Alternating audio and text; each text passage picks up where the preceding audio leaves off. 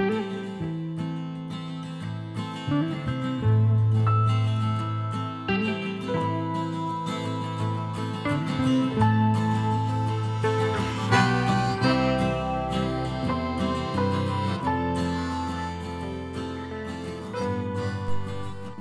och välkommen till ett nytt avsnitt av podden Ortodox kristen tro. Och eh, den här podden eh, görs av mig, fader Mikael Fältemar. Och jag är präst i Kristi uppståndelses ortodoxa församling i Göteborg. Och om du tycker om den här podden och vill stötta vårt arbete så kan du swisha en gåva till församlingen. Då gör du det på swishnummer 123 278 80 99. Alltså 123 278 8099. Idag så ska jag ha ett samtal med min kära hustru. Och jag ska återkomma med boktips efter vårt samtal. Ja, vad ska man... Vad ska vi prata om då? Det kan man ju fråga sig. Jo, vi ska prata om könsroller, feminism och genus. Och Mm. eh, Frida, har vi pratat om det tidigare? Ja, det har vi pratat en hel del om. Det blir lite spännande att se hur samtalet blir idag, för när vi var nygifta så var ju det sådana där ämnen som vi kunde bråka om ibland. Men på senare år så har vi väldigt goda samtal om sådana här saker, tycker jag. Ja, absolut. Vi har pratat mycket om det. Och eh, det har ju särskilt de senare, senaste åren upptagit mycket av eh, vad vi... Ja, vi, vi pratar mycket om det helt enkelt. Och jag har eh, läst ganska mycket om det och, och, och försökt att hitta positiva och uppbyggliga sätt att tala om det på utifrån kristen kontext och utifrån kristen tradition. Mm. Ja, men till en början var det ju ett intresse som jag hade främst. Och eh, jag hade läst böcker som till exempel Under det rosa täcket och sådana klassiker eh, inom feministisk litteratur. Eh, men du hade inte läst så mycket. Men sen så vaknade ett intresse hos dig. Och jag tycker att du gjorde det väldigt gott i eh, att du läste många olika böcker från olika perspektiv. Och framförallt försökte du läsa in dig på ett kristet perspektiv. Så det har ju bidragit väldigt mycket till mig också senaste åren med tankar som har eh, skift, fått mig att skifta perspektiv en hel del. Mm. Eh, och vi har, haft, ja, vi har haft väldigt goda samtal om det. Så jag hoppas att kvällens samtal kan bidra till andra också.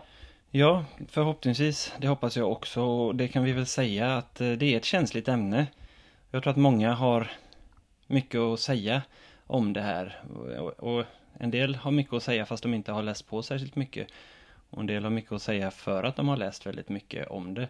Mm. Nu, nu ska vi samtala lite du och jag Frida och eh, vi ber lyssna, lyssnarna vara generösa mot oss.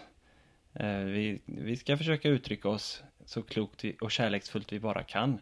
Men eh, om det är en lyssnare som inte är generös så spelar det inte så stor roll.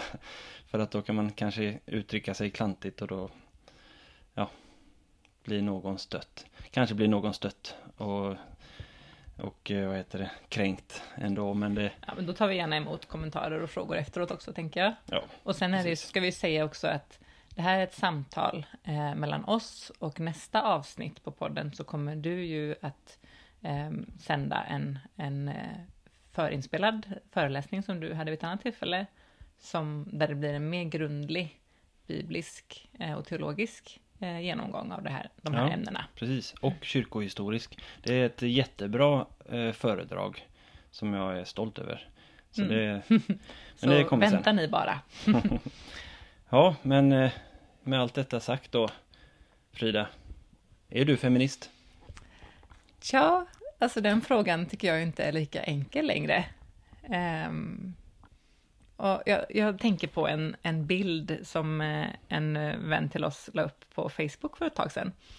Eh, det är en delning från Jonas Gardells Facebook-sida, eh, där han, han har en bild på sig själv och så står det om jag är feminist.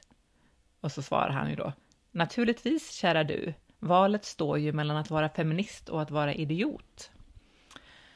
Och jag tänker, och tänkte när jag såg det här, att ja men så där tänker nog en del. Att det liksom är, det är självklart. Är man inte feminist så är man idiot. Eh, eller att man kanske helt enkelt, man har en, man har en definition av feminist som, men som gör att om man inte är det så är man idiot. Och då måste man ju verkligen fråga sig, vad är deras definition av feminism? Och det där är ju verkligen en sån knäckfråga. Hur definierar vi det? För jag tror att eh, man definierar det på väldigt många olika sätt. Och min teori är att de som definierar det så, som kan säga så, om man inte är feminist så är man idiot. Det är kanske människor som tänker att att vara feminist betyder att man tycker att män och kvinnor har lika värde. Typ så. Mm. Eh, och det är ju en sån sak som vi, de allra flesta av oss verkligen kan skriva under på. Ja, det får man ju verkligen hoppas på. Ja, det är ju självklart, och som kristen, inte minst, så är det ju självklart. Man och kvinna skapades båda till Guds avbild och likhet. Och kyrkan predikar fullkomlig jämställdhet inför Guds nåd. Mm. Jesus visade väldigt tydligt med sitt sätt att vara mot kvinnor, att han tycker att män och kvinnor är lika mycket värda Mm. och så vidare. Så det, det är ju självklart. Så det är klart att om det är att vara feminist så kallar jag mig ju för feminist. Men mer om, ju mer vi har läst, eh, du och jag, och satt oss in i detta så har vi ju förstått att, att eh, det ligger mycket mer i det. Eh, och det finns väldigt många olika sätt att eh, definiera det på. Mm. Bara gå till, jag kollade för skojs skull häromdagen bara i, i lite olika ordböcker, Mm. eh, hur de definierar, och där är det också olika. Ehm, ja, men lite olika formuleringar som ändå kan betyda ganska olika saker. Om jag tar två olika ordboksexempel då, så kan jag börja med Svenska Akadem- Akademins ordlista, där det står att feminism är en rörelse för kvinnors jämställdhet med män. Och i Bonniers eh, ordbok står det en rörelse som hävdar kvinnors likställdhet eller särart. Mhm. Och det är ju små skillnader, men de väcker ganska stora frågor, tänker jag också. Alltså, Mm. vad är jämställdhet då? Vad är likställdhet? Vad menas med särart? Finns det någon särart? Ja, så det är ganska fundamentala frågor kanske som kan vara bra att eh, ja, rota lite grann i. Precis, och då tänker jag att det där har ju sett väldigt olika ut i olika tider också då. Ehm, och det kanske vi ska gå, ta en liten snabb genomgång av feminismens historia. Ja, precis. Ingalunda uttömmande, men eh, ändå skissa upp lite grann hur det ser ut. Jag vet inte hur många som vet om feminismens historia, men eh, och eh, segrarna skriver ju historien så att den historia man känner till kanske inte alltid är, fullkomlig. Nej, Jag, kommer att prata lite grann om det också i nästkommande avsnitt. precis. Men jag kan nämna lite kort om eh, feminismens historia. Och man brukar tala om tre stycken epoker.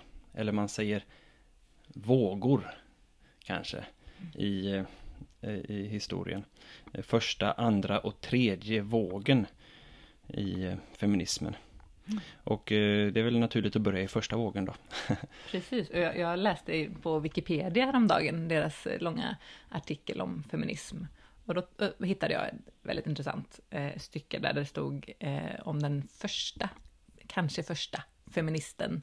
Man hade hittat skrifter från 1600-talet Mhm. eh, med någon som skulle kunna kallas den första, första feministen. Alltså lite före eh, upplysningen då. Ja, annars har man ju oftast sagt att feminism är någonting som, eh, som började på 1700-talet. Mm.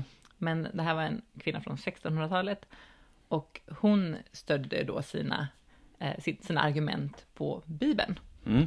Eh, och det gjorde kvinnor på 1700-talet också sen. Men Ja, precis. Man hör ofta om eh, en feminist som heter Wollstonecraft på 1700-talet. En av Mm. de här allra första. Och hon var väl ganska så kontroversiell vad gäller hennes livsstil. Ehm, men det finns också andra riktigt tidiga feministiska förmödrar kan man väl säga. Och en av dem är Hannah More som levde på 1700-talet. Och eh, som ju, hon var evangelisk kristen och emot slaveriet och eh, kallades bland annat för en kristen kapitalist. Eh, Så fanns det en annan som hette på 1800-talet Frances Willard eh, som var också en kristen. Hon eh, var ordförande för Women's Christian Temperance Union. Och eh, man kallade henne för Saint Francis of American Womanhood. Så det är eh, tidiga kristna influenser inom feminismen, inom första vågens feminism. Mm. Och, och, och vad tror du eh, motiverade dem att eh, höja sin röst där under första vågen? Varför dök de upp där? Ja, då var det ju självklart väldigt mycket att jobba med. Saker som vi tar för givet idag, tänker jag. Mm, Och de, vi har ju dem att tacka för jättemycket. absolut. De kämpade ju för mm, så grundläggande saker som utbildning för kvinnor och rösträtt. Och att, att vara lika inför lagen. Mm, Och det är klart att den eh, rörelsen behövdes. På många Ja. sätt. absolut. Jag ska bara säga att en del brukar säga att kyrkofäderna var kvinnofientliga och sådär och att de inte hade någon förståelse för eh, det här med kvinnors situation i samhället och så. Eh, jag tror på att de här kvinnorna kämpade för att vara lika inför lagen så eh, gjorde även den helige Gregorius teologen det på 300-talet. Mm. Eh, Det är ett eh, gammalt problem. Eh, Det är ett gammalt problem, men jag ska se om jag kan läsa ett citat här. Jo, Eh, jag ska direkt översätta det från engelska. Men han predikar och så säger han Låt mig uppehålla mig vid, lite grann vid kyskhet. Det tycks det mig ganska så tydligt att eh, många av männen här i församlingen är dåligt eh, anpassade och lämpade för kyskhet. Och dessutom så är samhällets regler orättfärdiga och orättvisa. Ehm, varför är det så att kvinnan hålls tillbaka men mannen uppmuntras? Alltså att vara okyska. Och att eh, den kvinna som idkar eh, ondska gentemot sin makes säng eh, betraktas som en, ehm, vad heter det, adulteress, alltså Äktenskapsbryterska. äktenskapsbryterska, just det. Och att eh, lagens straff för henne är väldigt hårda. Medan mannen, ja han begår otukt eh, mot sin fru men behöver inte stå till svars för det. Och så avslutar Gregorius av Nazianzus, Gregorius teologen så här. Jag accepterar inte denna lagstiftning. Jag tycker inte att det här är en rimlig vana. De som gjorde lagen var män och därför är lagstiftningen hård mot kvinnor. Så det är inte så att de var, ja slutcitat, det är inte så att de var obekanta Nej. för den här orättvisan. Så kyrkan har, kristna har kämpat för det. I och med att, eh, som vi var inne på inledningsvis, att män och kvinnor är skapta till eh, Guds avbild båda två och är lika inför Guds nåd båda två. Mm. Ehm, ja. Det är om eh, första vågens feminism. Mm. Men det får man säga att de var, eh, har lyckats väldigt, väldigt bra Ja, men precis. Och, i västvärlden. ja, och där kan man ju också säga då, om vi ska kommentera på vad vi, vad vi tycker om denna feminism, att det är ju inte mycket man har att säga emot det då, första vågens feminism. Mm. Även om det redan då fanns en väldig bredd också, många olika människor Mm. eh, och en spretig om man går tillbaka till ordböckernas definition då, så är det ju Mm. somliga ordböcker som eh, faktiskt skriver rörelser i plural. Jaha, okej. Som ju är den mer korrekta beskrivningen, beskrivningen av feminism. För att eh, det är flera olika rörelser egentligen. Mm. Och, och fortfarande idag så är det ju, eller ännu mer då, idag kanske, så är det ännu spretigare. Det blir kanske spretigare och spretigare hela tiden. Yes, men det är ändå viktigt att betona att det har tydliga kristna eh, rötter. Rötter, Att absolut. det finns i kyrkan. Mm. Eh, Men eh, vad hände sen då? Man, man lyckades skaffa bildning och rösträtt och att man var lika inför lagen för Mm. kvinnorna. Vad hände sen då? Ja, sen eh, kom ju en mycket mer marxistisk dominerad tid. Den tog en, feminismen tog en mer marxistisk riktning. Mm. Nu är Ja. du inne på det som kallas för andra vågen. Just det, precis. Man brukar säga ungefär från 50-talet. Då kom Simone de Beauvoir ut med sitt, sin bok Det andra könet. Mm. Det är en av de här milstolparna. Jag får bara säga någonting om boken där, Det andra könet och Simone de Beauvoir. Eh, hon var ju en del av den franska intellektuella eliten. Mm. Tillsammans med sådana som Jean-Paul Sartre till exempel. Och de eh, lärde sig mycket av sin filosofi från en person som högt och ljudligt proklamerade att han var en lärjunge till Josef Stalin Mhm. i Sovjet. En person som hette Alexandr Kojev och som undervisade de här i Hegels dialektik, alltså ja, Hegels eh, filosofi kort och gott. Eh, Och i Kojevs eh, version så betonades väldigt starkt att en eh, människa kunde bara finna sig själv i kamp gentemot en annan. Just det. En Mm, marxistisk grundtes. Ja, precis. Alltså i marxismen så är det ju arbetarklassen, proletariatet mot bourgeois, bourgeoisie, eh, borgerligheten. Eh, men hos eh, de här, hos eh, Jean-Paul Sartre, så tar det ju sig uttryck i någon slags eh, total eh, värdeförnekande grej där eh, ja, alla andra måste stå åt sidan för det autentiska egot på något sätt. Men eh, det är värt att notera att även Simone de Beauvoir var lärjunge till denna stalinist. Mm. Och eh, när hon skriver boken Det andra könet så handlar det just om att eh, kvinnan kan inte bli, eh, finna en autentiskt, ett autentiskt värde annat än i kamp mot mannen. Vad det än var som hade gått fel enligt de här eh, franska intellektuella i tillvaron så var det den andres fel enligt Mm. den här eh, marxistiska ideologin då. Ja, att kvinnan alltid definieras ut, i sitt förhållande till mannen. Eh, att mannen är norm och Mm. kvinnan är bara någonting i förhållande till mannen, eh, till man. man. Ja, precis. Och då vinner väl hon bara sin autenticitet då i kamp mot mannen. Mm. Så hon måste erövra det i någon slags ja, stridssituation. Ja, från detta så började man ju prata då om, om den kvinnliga frigörelsen och eh, det grymma manssamhället till exempel. Och man ville bygga ett system som grundade sig på kvinnors behov, även om det innebar uteslutande av männen.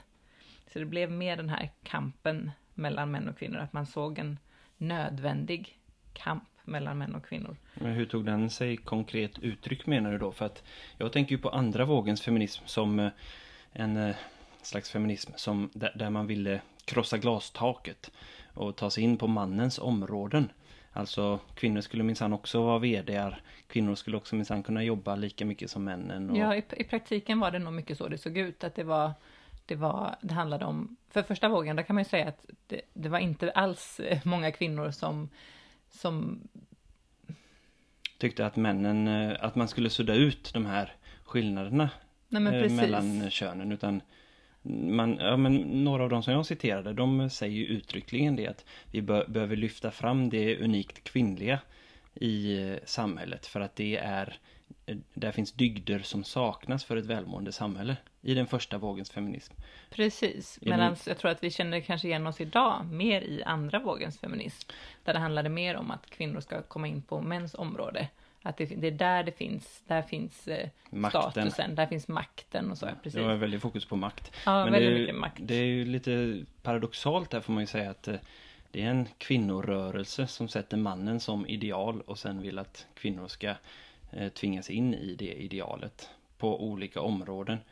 Alltså med preventivmedel, med aborträtt. Alltså det är två saker som eh, den feministiska rörelsen har fått kvinnor att tro att det är feminism, att det är kvinnogynnande saker. Mm. Men hur många mår inte dåligt av att käka p-piller eh, år ut och år in? Precis, Och och hur den- många kvinnor eh, lider av aborter? Och 60-talets, eh, 60-talet handlade ju mycket om den sexuella frigörelsen. Och det är ju sånt vi kan se, se resultatet av idag. Jag tänker på hela Ja, metoo-uppropet precis. och det handlade ju mycket om. Det finns, jag lyssnade på ett intressant radioprogram som handlade om, det, jag tror det kallades eh, eh, någonting e- efter 1968. Mhm. Eh, och där de drog då tydliga trådar från den sexuella frigörelsen till metoo. Och vad det har fått för effekter. Ja, man behöver inte vara ett geni för att se de Nej. banden.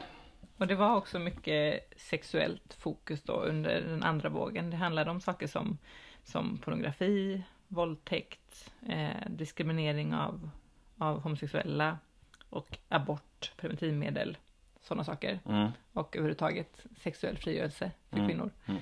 Eh, men också så var det ju saker som, man, man jobbade för saker som att få jobba heltid som Mm. kvinna. Och att få ha dagis till sina barn. Mm. Eh, och det är så intressant hur pendeln svänger. För jag kan känna idag att man kanske snarare behöver jobba för att få jobba deltid Mm. eh, som kvinna. Mm. Och att få vara hemma sina med sina barn, barn. ha sina barn hemma. Ja, få ha rätt, att, rätt till att välja det. Ja. Så det, ja, det kan vi återkomma till sen, men det är ganska intressant hur, att, hur, hur pendeln svänger i historien. Ja, där kan man ju säga att eh, både Platon och eh, paret Myrdal är eniga i hur man ska ta hand om barn från statens sida. Mm. För att båda menar väl på att man skulle ta barnen från föräldrarna och sätta in dem i statliga institutioner. Och så skulle man liksom kunna fostra den optimala medborgaren då enligt vad Platon hade för ideal. Det har jag inte stenkoll på nu men paret Myrdal var alla intresserade av att fostra den perfekta socialistiska eh, samhällsmedborgaren, arbetaren. Mm. Ja, det finns mycket att säga kring detta ämne. Och det, det är ett ämne som jag personligen har mycket känslor kring.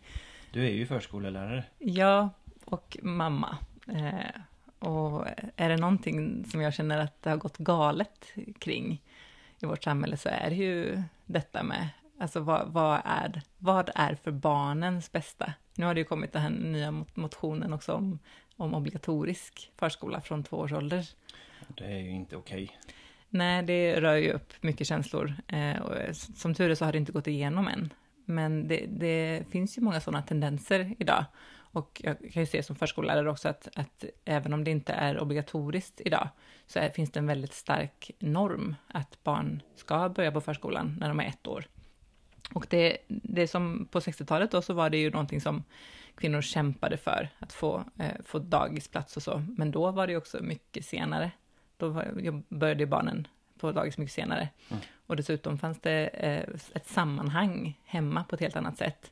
Idag så, så ser det helt annorlunda ut. Eh, och att barnen skulle börja på förskola när de är ett år som norm. Ja, det vore intressant att se vad de skulle tycka om det då. Det är, det som är, det är så lätt för oss nu att och, och se tillbaka på historien och så, med våra glasögon Mm. och tänka att ah, men de slogs för det som, som vi slåss för idag och liksom, här började Ja, just det. den här, den här synen. Men Ja. det, var helt, det var ju totalt annorlunda då. Mm. Redan när, eller redan när, men när vi växte upp, det är ju senare än 60-talet, vi växte upp på 80-talet. Mm. Och då var det även eh, väldigt vanligt att kvinnor jobbade deltid och var hemma med sina barn Mm. länge. Jag gick inte på förskola, jag gick på, jag hade dagmamma Mm. i några år. Så, men, och, Mm. och det är också en sak som man försöker ta bort dagmammorna nu också. Ehm, med argumentet att, att det är bättre för barn att vara i, i förskola. Ja, Okej, alltså, nu ska ju inte den här podden handla om förskolan i sig, men jag Nej. vet att vi kan uppehålla oss väldigt länge Ja, kring det. kunna. Och jag måste bara säga också att jag, jag, det jag menar är inte att kritisera förskolan. Jag är en stolt förskollärare och vet Mm. att det finns eh, jätte, jättebra förskolor. Mm. Men det är också eh, galet att, att tro att ett barn har det bättre i förskolan än hemma. Framför Det är allt ju en en, ja, framför allt en ettåring. Ja, Det är också väldigt stor skillnad på en ettåring och en treåring till exempel. ja. Och vi har ju gratis förskola från tre års ålder, 15 timmar i veckan. Mm. Och vi har ju till exempel valt att eh, ha våra barn i förskolan från tre års ålder, Mm. 15 15 timmar i veckan. Och är jättetacksamma för den möjligheten. Och då kan vi ju tacka då andra vågens feminister för det, kan man Jo, säga. precis. De kämpade för det, kan jag tänka mig. Men att de, att ska man säga att de kämpade för att få sätta sina barn i förskola från ett års ålder och jobba heltid, det tror jag inte att de gjorde. Nej. Så, så det, ja, det kan vi prata mer om. Ja, det, men det var lite, gång eller ganska mycket om andra vågens feminism då. Men det finns ju också tredje vågens feminism. Vad är det för något? Ja, det brukar man väl säga att det är från 90-talet ungefär. Mhm. Så när vi var unga. Är det Nina Björk och Ja, liksom precis. Linda Skugge och de ja, här? Eller? exakt. De en, kan man nog till, säga tillhör Ja, tredje vågens feminism. i Sverige. Precis i Sverige. Ja, vad, bör- vad bör det handla om då? Det är ju mycket av det som fortfarande eh, råder. Intersektionalitet, genus. Mm. Alltså är det detta talet om könet som en social konstruktion? Precis. Alltså att eh, könet inte har något med vår eh, biologiska person att göra utan är helt och hållet pålagt samhället och arv, eh, förlåt, uppfostran och miljö. Alltså Mm. eftersom tjejer får, eftersom flickor får rosa klänningar och dockor så blir de eh, citat kvinnliga, slutcitat. Mm. Och män får leka med dödskallar och bilar och därför blir de pojkmän. Ja. Nej, men i princip så att, det, att könet är eh, i princip en social konstruktion. Och Mm. att de små biologiska skillnader som finns har egentligen ingen betydelse för oss. Mm. Eh, det är väl ja, en sammanfattning av det. Och där, där kan vi ju börja, eh, där märker man ju att det börjar att, gå ganska långt ifrån eh, Bibelns budskap. Ja, men inte, alltså ser man till kyrkans historia så är det ju inte något främmande. Det är ju en, det handlar om, om, man bortser från den materiella verks, verkligheten, då är det ju tal om gnosticism. Mm, Att det finns en slags um, stjärna inombords som är ens sanna jag. mm, och, och eh, som ska frigöras från kroppens fängelse. Det finns ju många sådana gnostiska texter i kyr tidiga kyrkans historia. mm, som den tidiga kyrkan fick kämpa emot. Ja, precis. Ja, ja, vi bekänner ju att eh, en människa är eh, själ och kropp, Mm, materien. Och Kristus blev, eh, antog kött. Så bekänner vi ju i, i eh, trosbekännelsen. Det finns väl inget tydligare sätt att säga det på. Att eh, Kristus inkarnerades, han blev ja, kött. precis. Så han antog materia för att frälsa oss som är materia. Ja, och på samma sätt så är vi ande, kropp och själ. Och vi, alltså vi, är, vi är kropp. Mm, Det är inte bara att vi har kroppar och att man kan ändra på dem Mm. godtyckligt, utan vi påverkas ju verkligen av våra kroppar också. Men är det, alltså den här tredje vågens feminism, är det någon slags frukt av en radikal individualism och, och även en avart av liberalism, tror du? Ja, det får man väl säga. Ja, alltså det här individualismen att var och en kan bli vad man vill. Mm, jag, jag är en katt, miau miau. Mm. Och liksom så får man klä ut sig till en katt och leka att man är det. Eller Mm. jag är lite, ibland är jag kille, ibland är jag tjej. Men också en, en sekulär världsåskådning, tänker jag, för att om det, inte, om det inte finns någon som har skapat oss med en god tanke, Mm, då kan vi lika gärna skapa oss själva och vad Ja, vi vill det. vara. mm, Men jag tänker att det som är så grundläggande för oss kristna, det är ju att vi tror på en god Gud mm, som har skapat oss med en god tanke. mm, Och har Gud då skapat man och kvinna och Mm. sa att det var gott, det Mm. står i första Mosebok, eh, då måste det finnas någonting gott med våra skillnader också. ja, absolut. För vi uppenbarligen så är vi ju olika, det ser man på våra kroppar. Mm, Och jag tror inte att våra kroppar bara är något skal som vi kan slänga bort, utan alltså vi påverkas. Och det, där tänker jag att som kvinna så går man ju igenom några eh, perioder i livet då man märker det extra, no, extra mycket, mm, att man påverkas väldigt mycket av sin kropp. mm, Och, och det får mig ju att faktiskt tänka att de unga kvinnor, eh, eller singlar, som inte har upplevt att föda barn Mm. eh, och att bli mamma, de har kanske inte förstått det lika mycket som... Att kroppen spelar roll. Precis, att Mm. kroppen spelar roll. Eh, Mm. Det kanske låter... Eh, låter eh, vad ska man säga? Förmätet. Förmätet, ja precis. Men, men jag upplever i alla fall att, att eh, de perioderna i livet eh, har varit väldigt starka för mig eh, i att vi, visa mig hur, hur mycket jag präglas av min kropp. Mm. Och att det också är något så fint och vackert. Ja, absolut. Och även som man att få eh, odla en positiv tjänande manlighet Ja, i, i de eh, perioderna i livet. Det, men det Lyfter finns- fram positiv manlighet tycker jag. Ja, det finns ju ingen, ingen tid i livet då det blir så då det blir så härligt att bli betjänad av sin man som när man är gravid till Mm. exempel. Eh, Då behöver man ju verkligen det. Och jag tänker även på när jag har varit nyförlöst Mm. eh, och, och ammat och så. Att då, då har det verkligen blivit en, en nödvändig rollfördelning. Och som Ja. också har varit väldigt skön. Alltså när man läser de här bibelställena som Paulus skriver om när mannen är huvudet i familjen och, eh, och så säger han att det är för att eh, han liknar Kristus i relationen till kyrkan. Mm. Och när man pratar om att, eh, och, och Paulus skriver att på samma sätt som Kristus utger sig för kyrkan i totalt självutgivande kärlek så ska mannen utge sig för sin hustru. Mm. Det, nu tar jag det direkt ur minnet här men i, i en sån situation när du är nyförlöst och, och liksom ligger helt eh, bunden vid en bebis och ammar hela tiden och vad det nu kan vara. Och så har vi andra, två andra barn också som nu senast här tänkte jag. Mm. Ehm, s- som också påkallar och pockar på och kräver uppmärksamhet. Mm. Där, där finns det ju en eh, stor chans att praktisera detta som Paulus pratar om. Mm. Att försöka leva i självutgivande kärlek. Verkligen. För då hamnar man ju som man så att säga sist på prioriteringslistan. Jo, och även som kvinna så lär man sig så mycket om, om självutgivande kärlek när man sitter där och ammar Mm. och, och bara så tydligt ger eh, med sin kropp Mm. allt som det här barnet behöver Ja, av mat verkligen. och av närhet. Och, eh, och Men då det- blir det så det blir så vackert att vara kvinna. Mm. Eh, och jag tycker att det är en så stark upplevelse. Mm. Och då tänker jag också att eh, det här med, med att, att liksom vara, vara ett med naturen, att inte vilja gå emot naturen. Mm. Eh, det är ju också någonting som jag känner som kristen är väldigt naturligt att naturligt att vara naturlig. att eh, om Gud har skapat våra kroppar eh, på det här sättet, Mm. till exempel då att vi kan som kvinnor få, få lov att, att amma. Och sen Mm. så funkar inte det alltid och då menar jag inte att det är något, något eh, dåligt att, Mm. att det finns flaskor och så vidare, det är jättebra. Men, Mm. Men det är något jättevackert att vi kan för det mesta amma. Eh, och då eh, tänker jag på, när jag har läst om, om, eh, om feminister i olika tider, så har ju också en, en del av feminismen har också handlat om att man vill eh, dela upp det så jämnt och rättvist så att man kanske inte vill att kvinnor ska amma för att då blir man beroende. Just det, man kan köpa adapterbröst till män.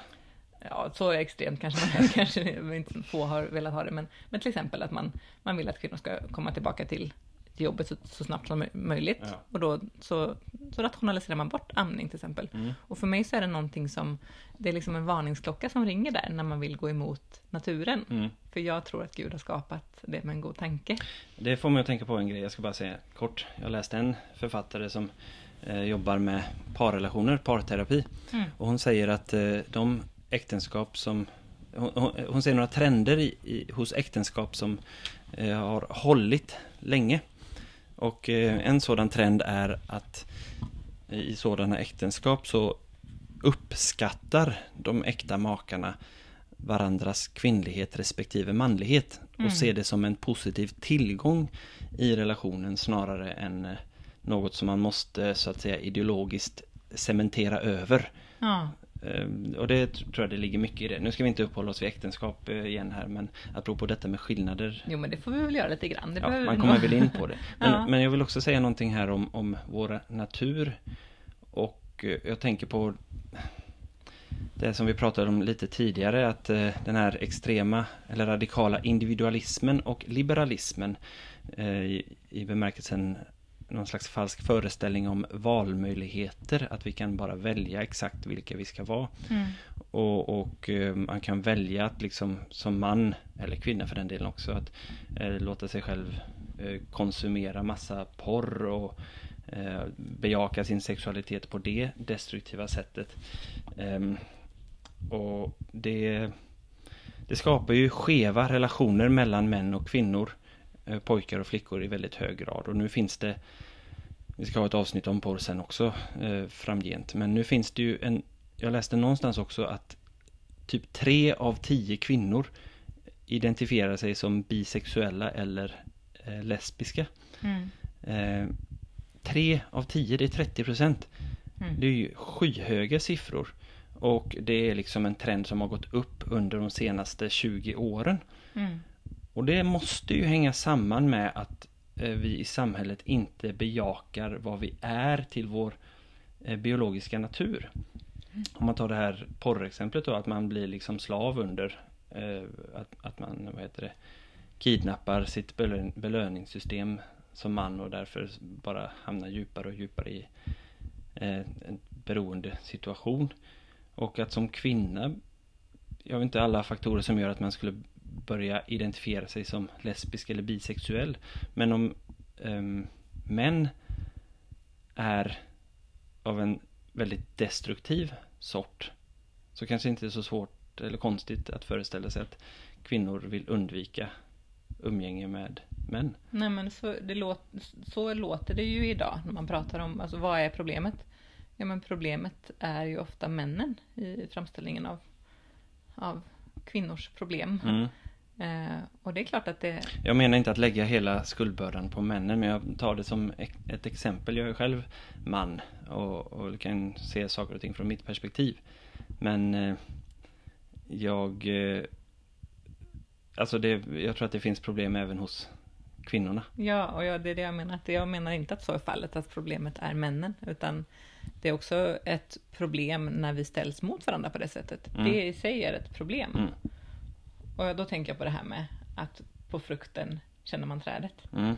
Alltså vad har blivit frukten av den här feministiska rörelsen? Mm. Eh, och, och, när jag säger feministiska rörelsen så menar jag ju egentligen att det är en väldigt stor del av hela vår samtid. Mm. Eh, och det är ju inte mer kärlek, som jag ser det. Mm. inte mer trohet och inte eh, mer ödmjukhet och dygd och så vidare. Inte mer enhet. Och inte mer enhet, precis. Ja, och det på märker man också, känner man trädet. Ja, så är det. Det märker man också i trender kring hur män och kvinnor röstar och förhåller sig till olika samhällsfrågor. Att även där så går man åt olika håll. Mm. Ja, eh, det finns ju en i Bibeln som kallas den stora söndraren. Yep. Men vi behöver inte gå in på, på det kanske, eller dra för stora växlar där. Men eh, alltså, jag tycker det är viktigt. Första vågens feminism, där har man ju ändå kristna eh, utgår från en kristen världssyn. Mm. Andra vågens feminism är radikalt materialistisk och sekulär eller ateistisk. Mm. Till och med antikristen. Mm. Så det är en väldigt stor skillnad i det. Och tredje vågens feminism är ju helt tokig. Förlåt, jag bara, bara säger vad jag tycker. Man kan också då, om vi återgår till det här med, med definitionerna. Mm. Så läste jag på, ju som sagt då, artikeln på Wikipedia om feminism. Och eh, då har de ett litet avsnitt för varje sorts feminism. För att eh, som sagt då så finns det ju eh, flera rörelser. Mm. Eh, och när säger man att eh, ja, men jag är feminist så kan det betyda väldigt, väldigt många olika saker. Vänta lite, håller vi fortfarande på att svara på frågan om huruvida du är feminist eller inte? Ja men det kanske vi gör faktiskt. Men, men då, då, ska du få höra nu några, några stycken olika som, eh, som Wikipedia listade mm. och, och, och, skrev om. Och det här är ju inte alla då heller förmodligen. Bring it. Mm, då finns det då postmodern feminism, radikalfeminism, anarkafeminism, queerfeminism, svarta feminismen, postkoloniala feminismen, den lesbiska feminismen, marxistisk feminism, transfeminism, liberalfeminism. Och som för att landa i det jag vill prata lite mer om, så kan mm. jag säga då också någonting som Wikipedia inte skrev. Men det finns ju någonting som kallas för särartsfeminism, Jaha. eller livmoderfeminism. Mm. Och om vi ska, jag ska försöka svara på frågan då, om jag skulle definiera mig som feminism idag, eller feminist idag, då skulle jag nog i så fall säga att jag... Då, då, skulle i alla fall de andra feministerna förmodligen kalla mig för särartsfeminist eller livmodersfeminist. Mm. Okej. Okay. Ja. Så om någon frågar dig på en fest, ger du dem det här långa svaret då eller? Nej, men du, du får fråga mig nu, vad är det då? Ja, förlåt. vad är särartsfeminist? Vad är livmodersfeminist? det kanske inte lyssnaren vet. Nej. Nej, men jag tror att det idag är, det är mer ett skällsord kanske.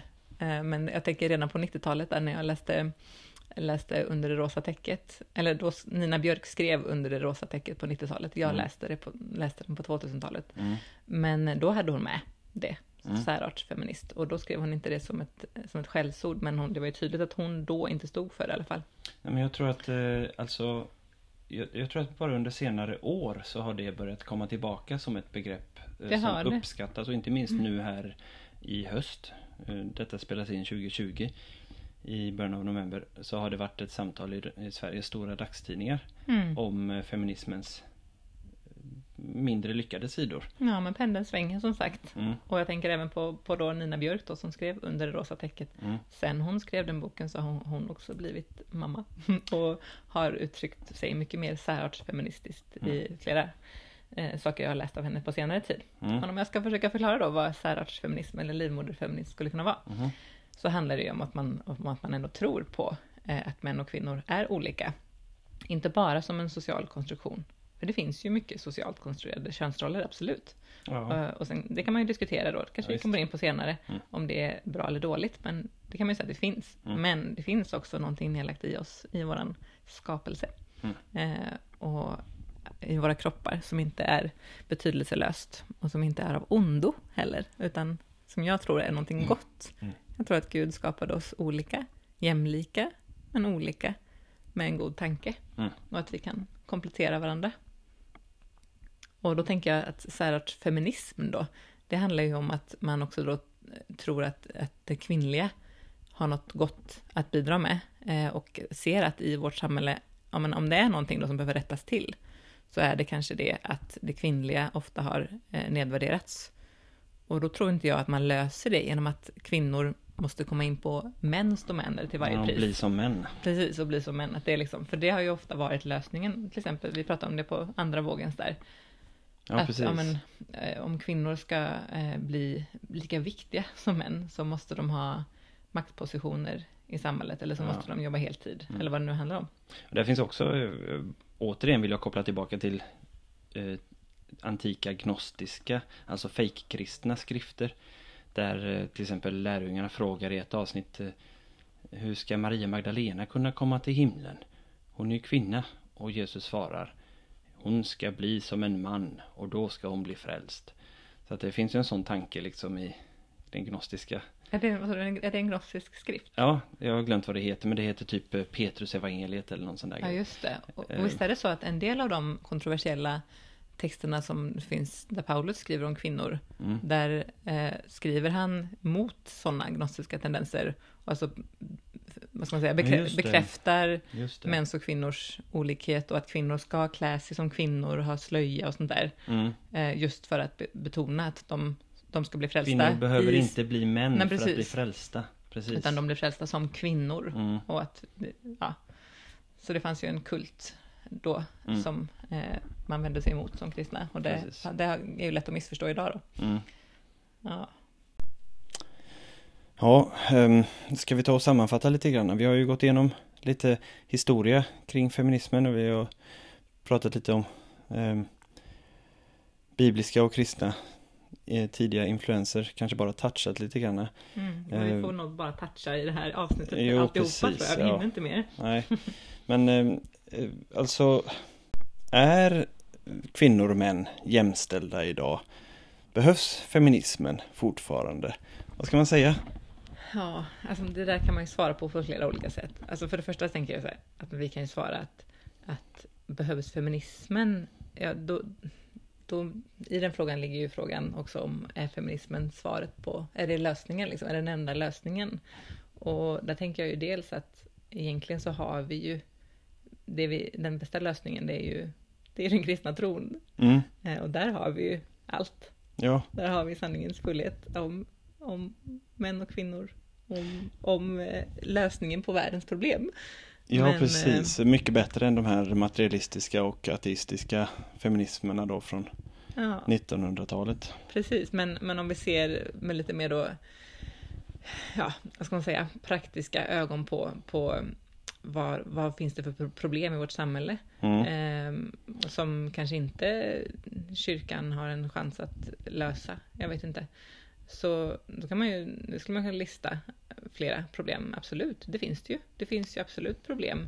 Eh, Och om man lyfter blicken från Sverige till resterande världen så finns det ju enormt många samhällen och kulturer där kvinnor lever i ett stort lidande och förtryck, och absolut. förtryck. Precis. Sen kan man ju fråga sig eh, om, om den feministiska rörelsen verkligen borde fokusera på, på Sverige idag då. För att i Sverige skulle jag vilja säga att vi, att vi är jämställda eh, på, på de allra flesta sätt. Mm. Eh, och att den jämställdhet som, som saknas eh, ju på många håll också handlar om just det här att, att att eh, människor inte lever i sin i, i relation med Gud. Mm. Att man inte lever i den manlighet och kvinnlighet som Gud har tänkt.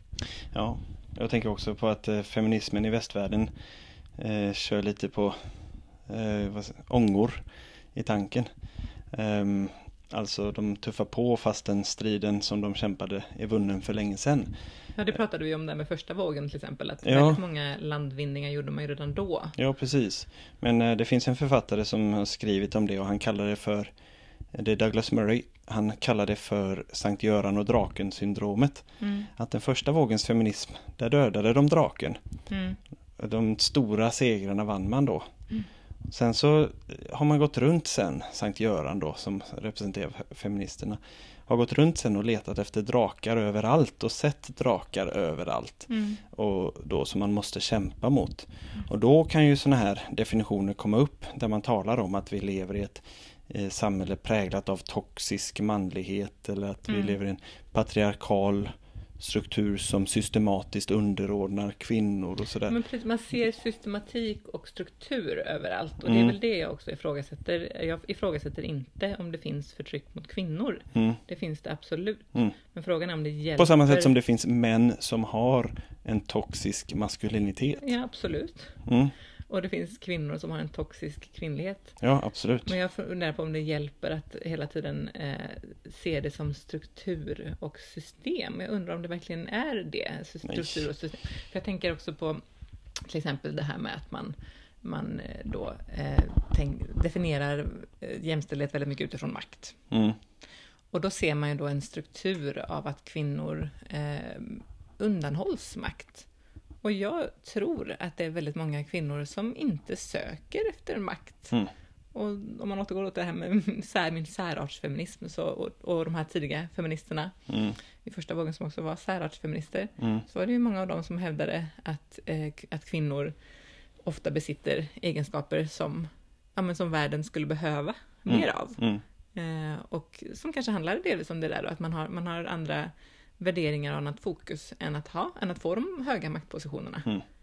Och där det handlar mycket om, att, om, om just eh, omsorg om människor och om sina egna barn, Mm. men även om andra, Mm. andra människor. Ja. Eh, och det är egenskaper som, som, som, ja, som jag också tycker världen skulle behöva mer av, och mål för livet som, Mm. som är bättre än makt och inflytande. Ja, nej men så, så, kort sagt, jag, jag, jag tror liksom inte på att kvotera in kvinnor eller tvinga in kvinnor där de kanske egentligen inte vill vara. Eller där somliga av oss i alla fall inte vill vara. Men däremot på att lyfta kvinnors intressen och ge dem status, alltså lyfta upp eh, det, det klassiskt kvinnliga igen. Eh, och, och värdera det högre. Inte minst då detta med, med omsorg om, om barn. Eh, men även uppvärdera omsorgsyrken till exempel. Uppvärdera ja, att vara hemma med barn Mm. och så vidare. Och att då kanske vad som behövs för att göra det rent praktiskt och ekonomiskt så där, det kan ju vara, det kan ju vara andra lagar och ekonomisk politik som gynnar till exempel att vara hemma med barn. Jag kommer in på det hela tiden för att det är mitt hjärteämne. Men, men eh, där, där finns ju jättemycket kvar att göra. Det kan handla om, om pensionssystemet och eh, det kan vara sambeskattning eller eh, att högre yrken eller högre lön till, till eh, kvinnodominerade yrken och så vidare. Ja, jag känner att eh, just kring den konkreta politiken så får så skjuter jag gärna den frågan vidare till folk som är bättre på det än vad jag är. Men jag, ja, ska, nu har bara, vi berört det. jag ska bara läsa ett citat från en eh, feminist på 40-talet, en konservativ feminism som heter Claire Booth Luce som skrev om detta med eh, att eh, man ska få välja själv vad, vad man vill göra med sitt liv. Mm. Och hon skrev så här då. Jag tar det på engelska. It is time to leave the question of the role of women in society up to mother nature, a difficult lady to fool. You have only to give women the same opportunities as men and you will soon find out what is or is not in their nature. What is in women's nature to do, they will do, and you won't be able to stop them. But you will also find, and so will they, that what is not in their nature, even if they are given every opportunity, they will not do. And you won't be able to make them do it. Så där Just finns det. ju, där bejakar hon ju eh, naturen så att säga och biologin eller vad man ska kalla det. Och det är ju intressant då att se att eh, jag tror 2008 eller 2009 så gjorde en norsk komiker en tv-serie som hette Hjärnevask. Där han undersökte just det här fenomenet att ju friare ett samhälle blir Han tog eh, Sverige och Norge som exempel som Mm. är väldigt långt gångna jämställd, jämställdhet. Eh, desto vanligare är det att män och kvinnor väljer könsstereotypa yrken. Mm. Så ger man, om man får ett helt fritt val så eh, följer man sin naturs inriktning eh, mer. Mm. Då kan man bejaka mer vad man så att säga känner för. Mm. Eh, så det, ja, det såg hon ju redan på 40-talet då. Det är väldigt intressant. Och en författare, en feministisk författare, det finns säkert flera som pratar om detta, men en heter Christina Hoff Summers. Och hon skrev en bok som hette Who Stole Feminism.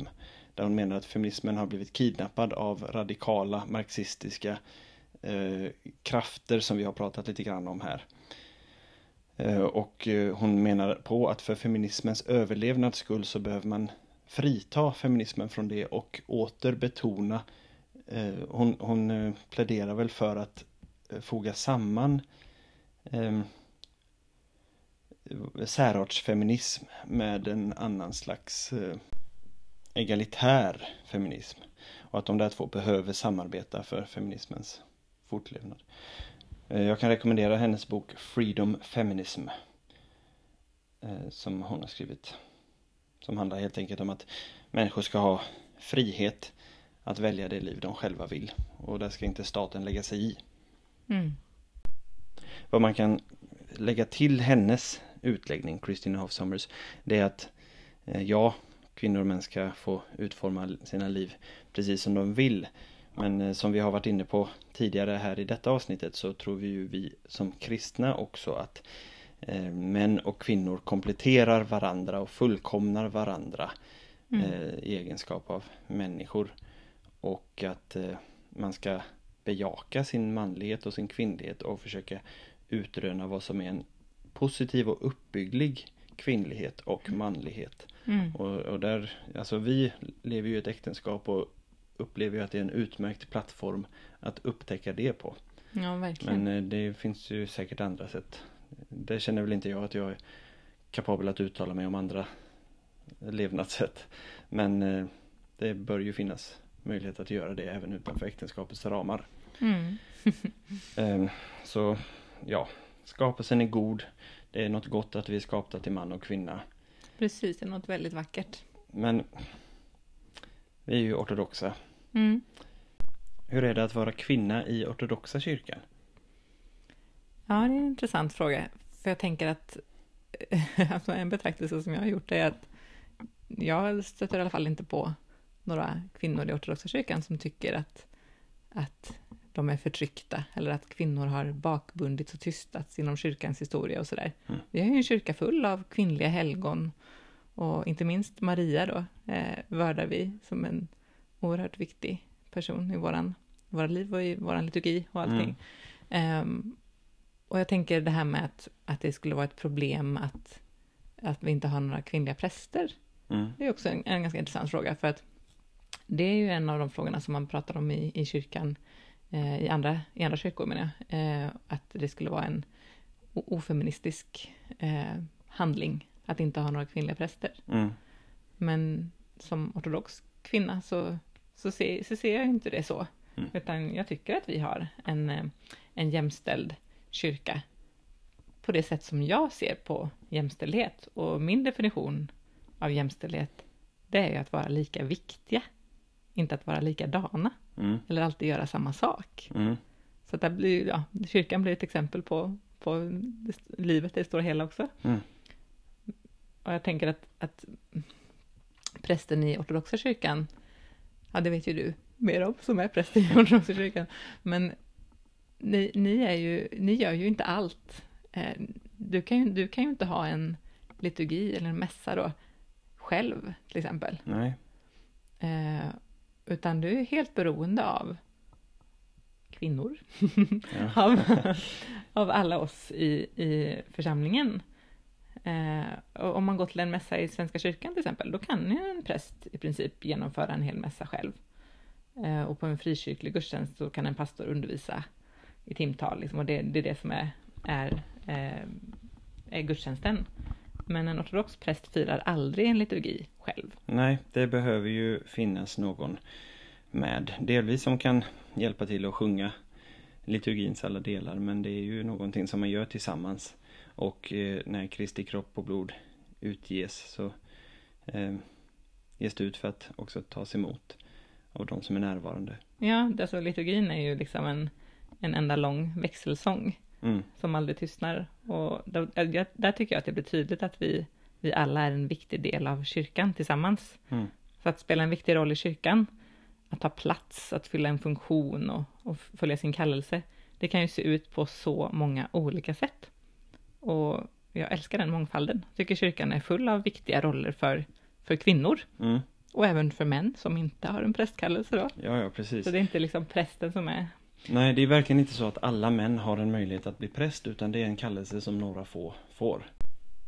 Ja, men vi, ja, vi kvinnor i ortodoxa kyrkan, ingen, ingen av oss är ju präst. Men vi, Ja, fast alla är nu präster. ja, precis. det är sant. Ja, men inte Det allmänna prästandömet Ja. finns och, Mm. vi, och vi har en massa andra viktiga uppgifter. Ja.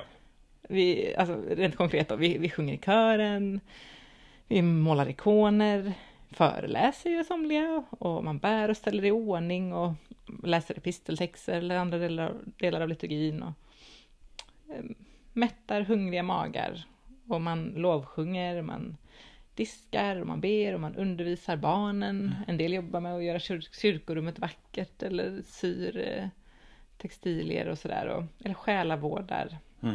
Jag vet inte hur många gånger jag har läst om Sovjet. Eh, Just hur det var de gamla gummorna som tog med sina barnbarn i hemlighet till någon underjordisk präst som hade gömt, gömt sig någonstans och som döpte barn. Ja men precis. Uppfostrar barn gör vi också. Det är Ja. en av de absolut viktigaste uppgifterna. Ja, det, jag minns inte vad jag sa det citatet men ehm, Jo, det gjorde jag i förra avsnittet av den helige Teofanes enstöringen. Tror jag att det var. Ja, Bland alla heliga verk så är det allra heligaste det att uppfostra barn. ja just det, det sa du ju. Mm, Ja, precis. ja. Nej men så jag, vad jag menar är att, att eh, kvinnor är otroligt viktiga i ortodoxa kyrkan. Mm. Man kan inte bara säga, ja det finns inga kvinnliga präster. Det måste ju vara en, en, en ojämlik eh, kyrka. ja, men det bottnar ju sig, det resonemanget bottnar ju sig i en klerikalism. Där man tror att prästen ska göra allt och därför måste prästerskapet vara helt jämlikt. Mm. Eh, Men alltså om prästen ska göra allt då kommer ju eh, kyrkan att fallera ganska så snabbt. Mm. Eh, Om man bara tar en gudstjänst för oss i Göteborg Mm. så kommer vi dit och ställer i ordning och förbereder lite grann. Och sen så typ tre kvart innan gudstjänsten börjar så går, försvinner jag ju in bakom ikonostasen Mm. med mina förberedelsegudstjänster. Och det är just då som folk börjar droppa in. Som jag gärna hade hälsat på och sagt hej kul att se dig och sådana där saker. Mm. Ja och sen så börjar gudstjänsten och så pågår den i en och en halv timme. Och så säger jag slutvälsignelsen. Ja, Och under själva gudstjänsten så är det ju en enda lång växelsång där församlingen och prästen samtalar. Och eh, sen efter gudstjänsten, jag har gett slutvälsignelsen, ja men då försvinner jag återigen in. Därför att jag, det är min uppgift, eller diakonens då, att eh, dricka upp allt som är kvar av eh, brödet och vinet. Eh, och under den tiden så hade jag gärna sagt vad roligt det var att du kom till gudstjänsten och liksom var ute och hälsade på folk men Men där kommer prästfrun in i bilden.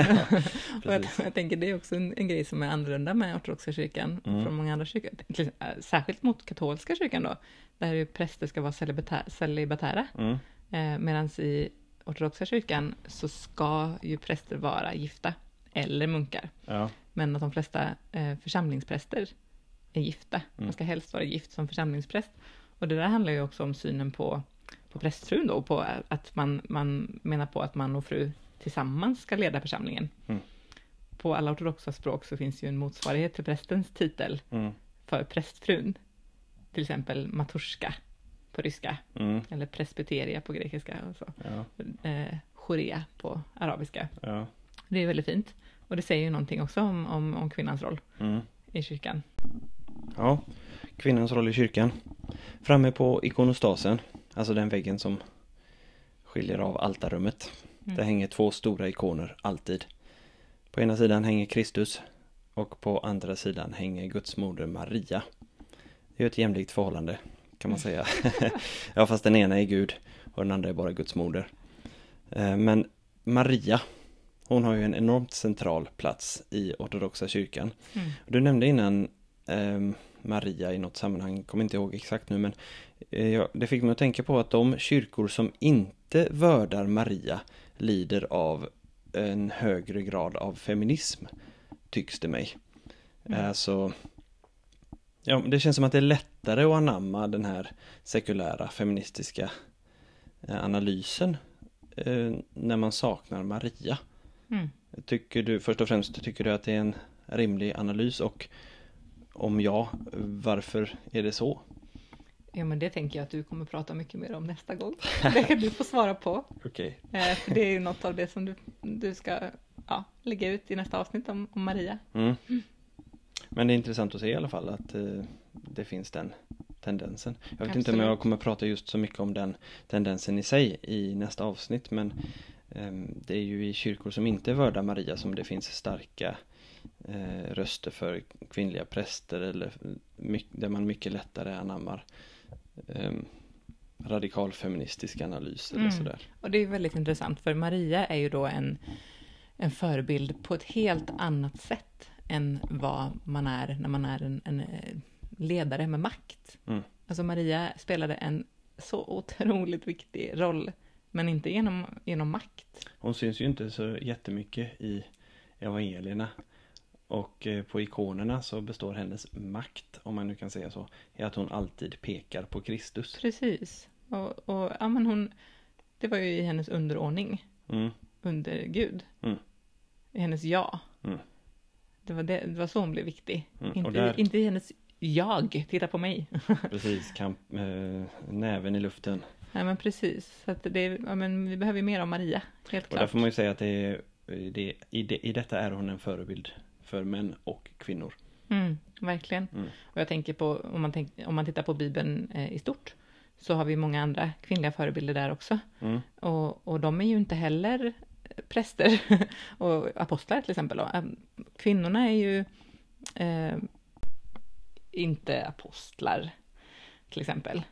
Men de är så många andra saker. Och då, det säger ju någonting också om, om Jesus syn på kvinnorna. Jaha, Jesus valde inte några kvinnliga apostlar. Måste det betyda att han inte värdesatte kvinnor lika högt? Ja, men det tror jag ju verkligen inte att det betyder. Mm. Utan eh, det finns massa, massa viktiga kvinnor i Bibeln. Bara ta några exempel. eh, Kvinnan med balsamflaskan som tvättade Jesu fötter med sina tårar och Mm. torkade dem med sitt hår. Hur är hon en förebild för oss? Och på massa olika sätt. Maria Magdalenas kärlek och hängivenhet. Ehm, och inte minst kvinnorna vid graven förstås. mm. Som var de första som fick berätta om uppståndelsen. Apostlarnas apostlar. Mm. De har titeln apostlalika i ortodoxa kyrkan. Precis, ja, men det finns ju en massa andra. Jag tänker, det är svårt för mig att lista dem sådär spontant, men jag vet att du har ju skrivit på din blogg, eh, du har en blogg som heter Gäst och främling, och ett, under en period så skrev du många inlägg kring de här ämnena. Mm. Och, och vid ett tillfälle så listade du 18 kvinnor runt Paulus, som nämns i breven i Nya Testamentet. Och det är jätteintressant och inspirerande läsning. Och, och där, där visar det sig verkligen hur, hur viktiga kallelser kvinnor haft i kyrkohistorien. Men också hur olika, alltså hur olika det kan se ut. Eh, och hur många olika viktiga roller det finns. Här finns ju kvinnor som var andliga mödrar, missionärer, kvinnor som öppnade upp sitt hem och huserade församlingarna, hade husförsamlingar. Eller rent av försörjde församlingar. Och, och som på olika sätt arbetade hårt i Herrens tjänst, som det står. Mm. Och de kallas för medarbetare, för apostlalika. För systrar, för diakonissor och för mödrar.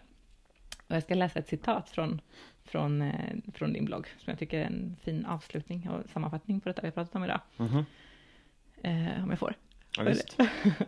Eh, ovanstående genomgång torde göra det klart och tydligt att Paulus inte alls var en kvinnohatare, som en del menar. Tvärtom var han en celibatär judisk man som går utanför sin tids ganska strikta normer angående mäns relationer med kvinnor. Bland dessa ovan nämnda finns andliga mödrar, medfångar, medarbetare, nära vänner och sändebud. I detta avseende är Paulus unik i sin samtid och en sann efterföljare till sin herre, celibatären Jesus, som mötte och upprättade kvinnor under hela sitt liv.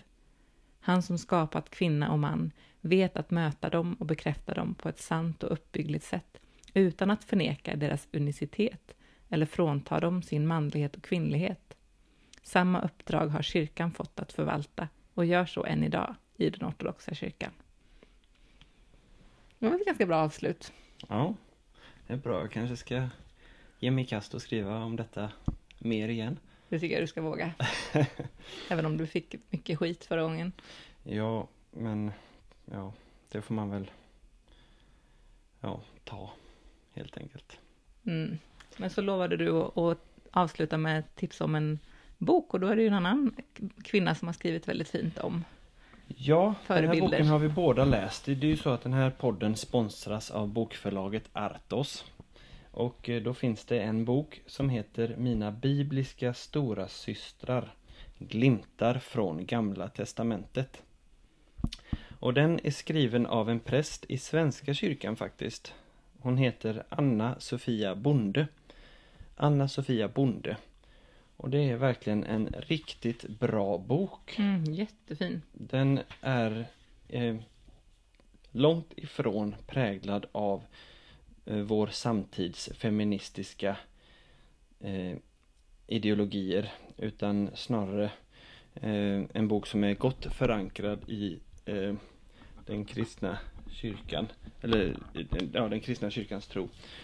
Så tycker jag. Och det är då gamla testamentliga gestalter som hon tar upp. Hon skriver om Eva, Sara, Hagar, Lots hustru bland annat. Och hon skriver om andeskåderskan i Endor. Ja, vem är det? Så skriver hon om hon i Höga Visan. Mycket intressant att läsa om och ett fint avslutande kapitel om Nomi. Um, så Och några till. och några till, ja precis, jättemånga. Och där tar hon upp de här berättelserna från Gamla Testamentet och eh, sätter sig in i, i de här kvinnornas situation och samtid. Men hon drar också paralleller till vår samtid i, idag och ger pastorala råd till eh, kvinnor idag som de ha, kan ha gott, eh, god nytta av. Så den här boken vill jag verkligen rekommendera. Mina bibliska stora systrar glimtar från Gamla Testamentet av Anna-Sofia Bonde. Och eh, den här boken kom ut 2019 och den är på drygt 150 sidor.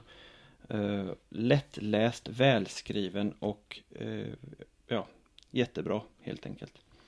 Den hittar du på www.artos.se och med den här rekommendationen så vill jag tacka dig Frida för att du har varit med och samtalat om detta svåra ämne. Mm.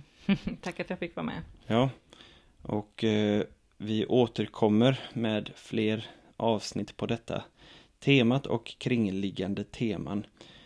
Eh, och och eh, du som lyssnar, om du tycker om detta, ge ett gott betyg på den plattform du lyssnar.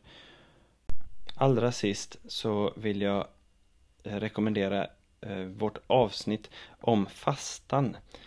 Nu så är det ju så att vi alldeles snart, den 15 november, går in i julfastan.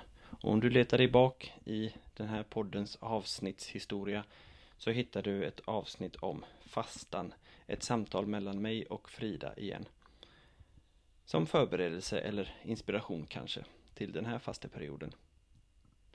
Ja, det var nog allt. Jag önskar dig Guds välsignelse och välkommen till nästa gång.